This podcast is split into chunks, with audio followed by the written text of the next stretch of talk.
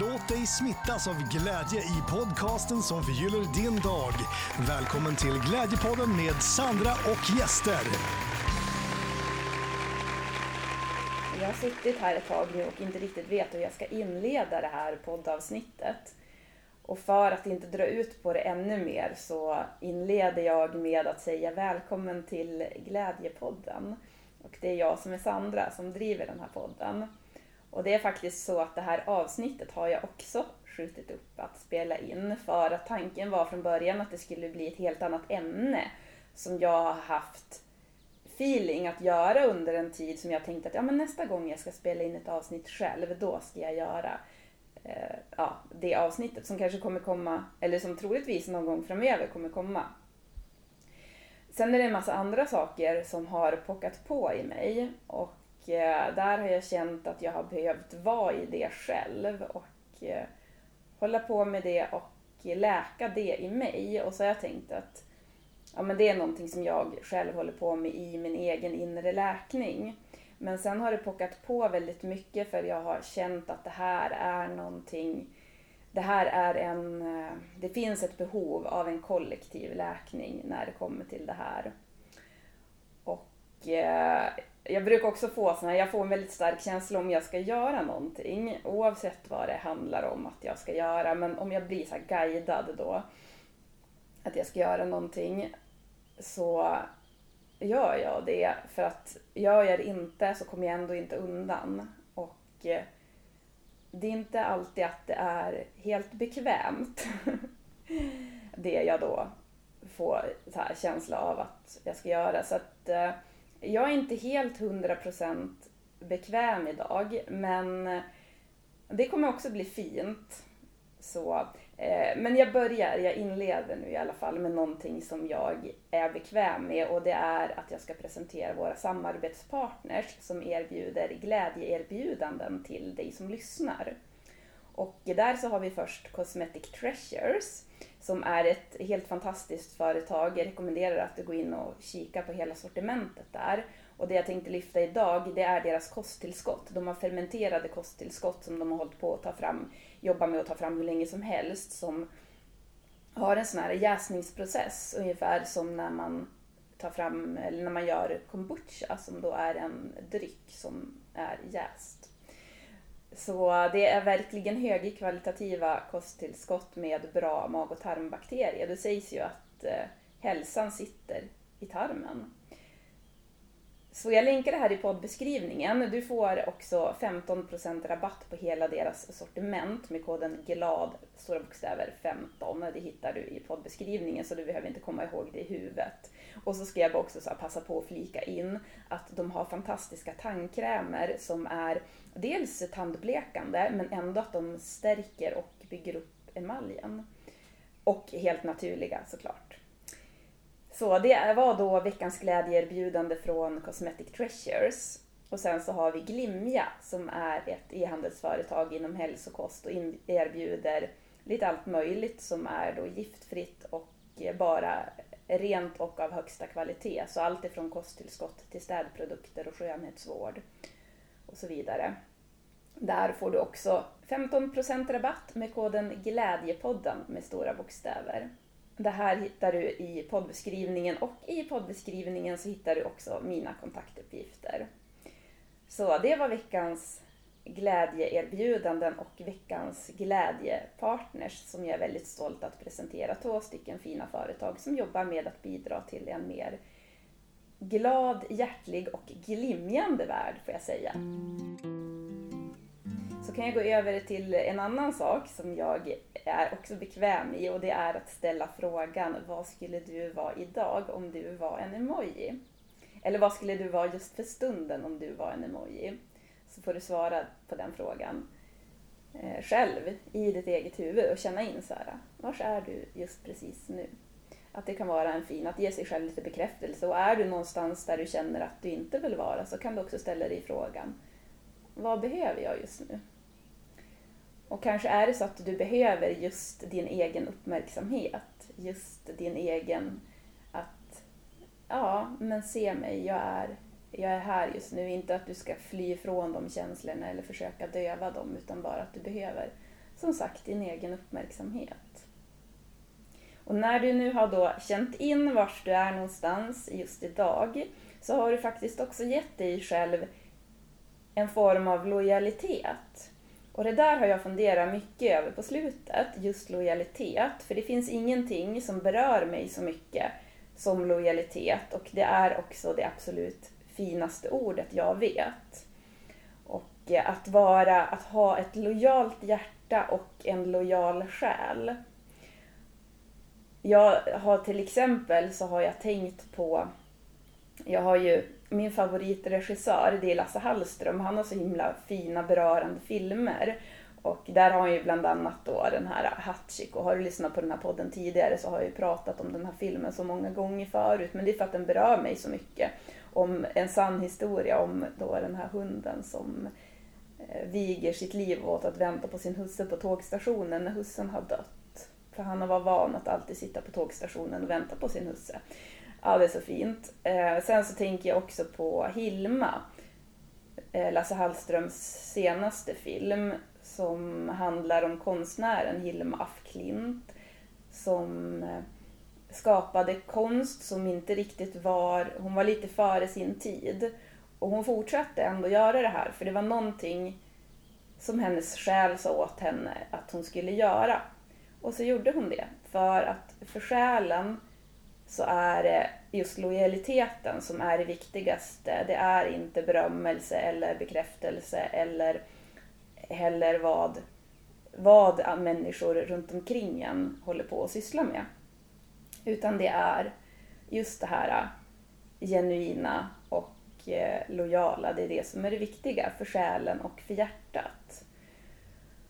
Och det är det där som jag känner så här, vad fint om vi kan ta in det här ännu mera i, dels i våra egna liv och eh, i samhället, i världen. Att för att varje gång man får se sådana här exempel på någon form av lojalitet, vad den handlar om, så är det så himla berörande. Och lojalitet eller genuinitet det berör så himla mycket för att det är någonting som jag tror att många verkligen längtar efter. Och där så börjar ju då också lojaliteten i en själv, i sitt eget hjärta. Och det där kan vara en sån himla resa om man har varit van att uppleva kontrast till det här och man kan ha upplevt utmaningar och svek. Att då någonstans hitta tillbaka till att jag vill vara, vad vill jag vara för person? Och att då gå in och bli den själv. För det är så vi, så vi måste jobba. Men eh, har man lojaliteten och man väljer att man vill välja att vara mera i kärlek än i rädsla så kan det också vara så här, har man väl gjort det valet, än om det inte, man kanske inte har gjort det så här, eh, rent medvetet utan det kan ju vara någonting man har gjort på en själslig basis. Att ja, jag vill gå den vägen i livet. Så kan det också vara att man kan behöva rensa bort det som inte, eh, det som står i vägen då för att leva det livet och gå igenom den processen.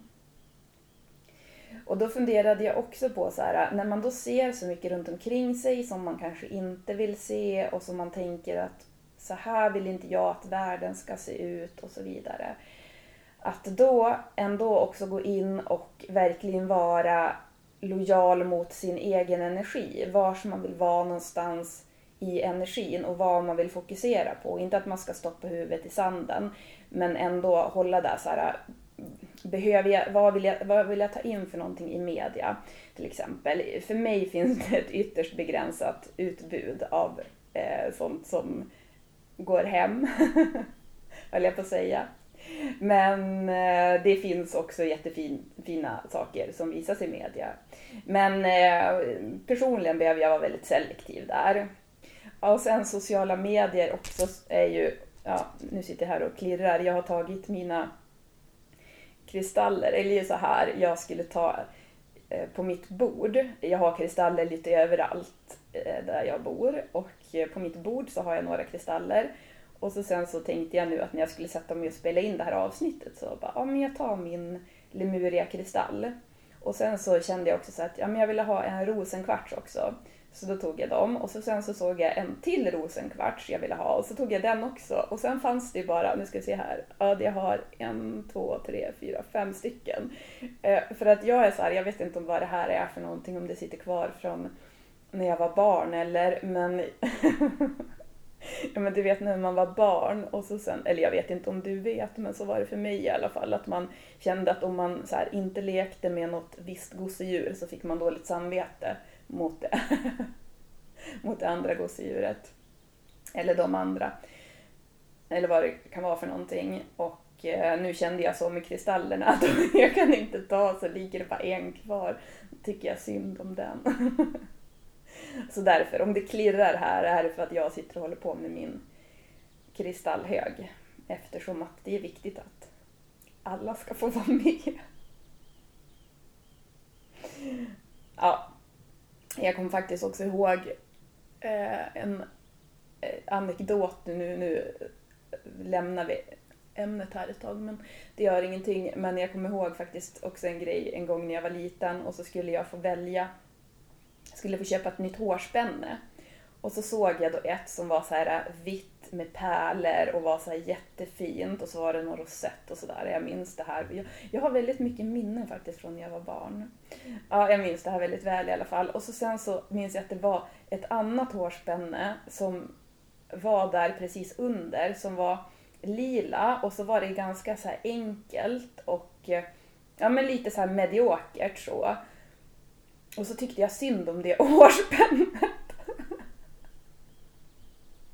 För att det var fulare än det där fina som jag ville ha. Så då valde jag då det hårspännet som jag tyckte synd om.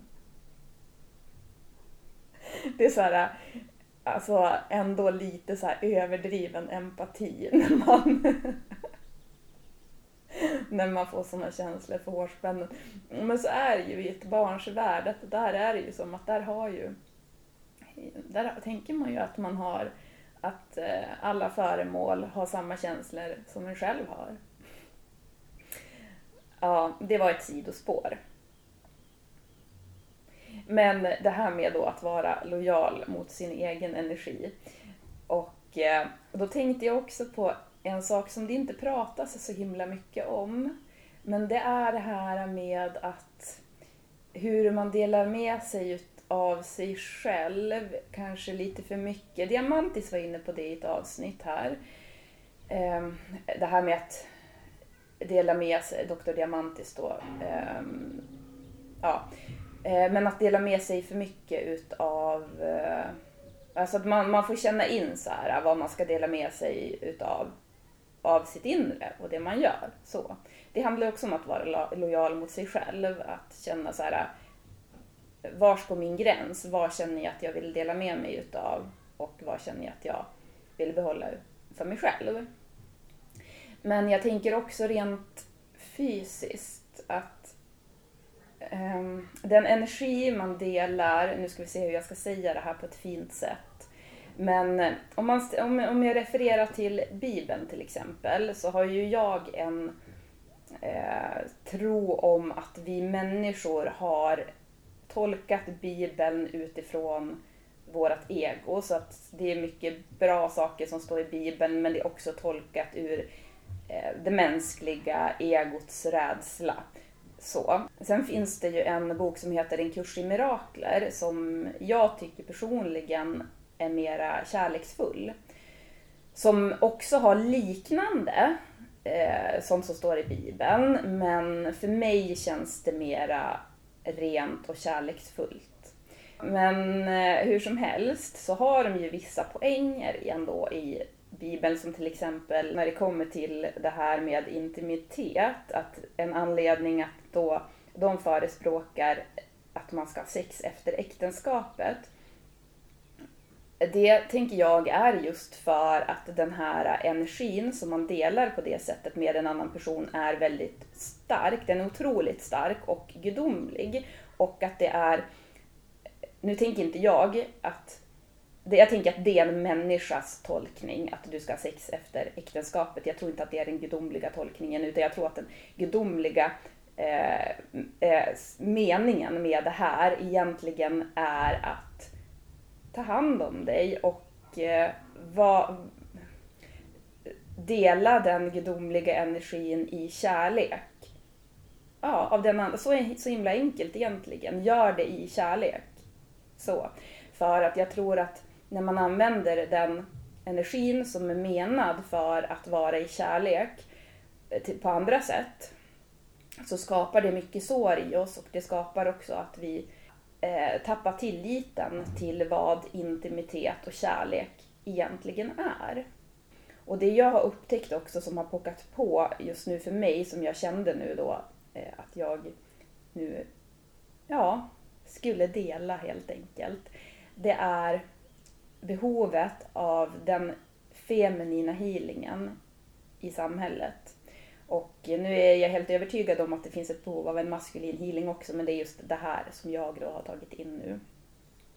Och det är just för att det här att när man, eh, när man ger för mycket av sig själv på sätt som inte är lojalt och det behöver inte bara vara att man ger sig själv sexuellt så, utan det kan också vara, eh, det är som att kvinnor är uppväxta med, inprogrammerade med att vi ska använda vår sexualitet för att vi ska bli älskade och värderade. Och då menar jag inte sexualitet genom att just ha sex, utan genom att visa upp den. Att till exempel visa upp sin kropp på olika sätt som kanske egentligen inte... Ja, men som, kanske, som man kanske gör för att man vill ha uppmärksamhet för ja, man får den. Man får pengarna för att det här är någonting som säljer och i princip alla kvinnliga kändisar har blivit inprogrammerade med det här direkt de blir kända. Att det är någonting som så här, så här, så här gör du din eh, musikvideo. Och så här ska du se ut på omslaget. Och de här bilderna är det som säljer. Och de här bilderna är det som likas. Och nu idag så har ju det här gått över till sociala medier också. Så att nu behöver det inte ens vara kändisar som då plåtas och lägger ut och så för att det ska sälja. Utan nu är det ju också många som vill få uppmärksamhet genom sina sociala medier och vill vara influencers och vill tjäna pengar på det och vill få uppmärksamhet på det och vill bli kända det jag har känt in nu, det är att det finns väldigt mycket smärta i det här. För att det är någonstans kvin, en kvinnlig längtan, en feminin längtan efter att att få vara älskad precis som man är. Inte att vara sedd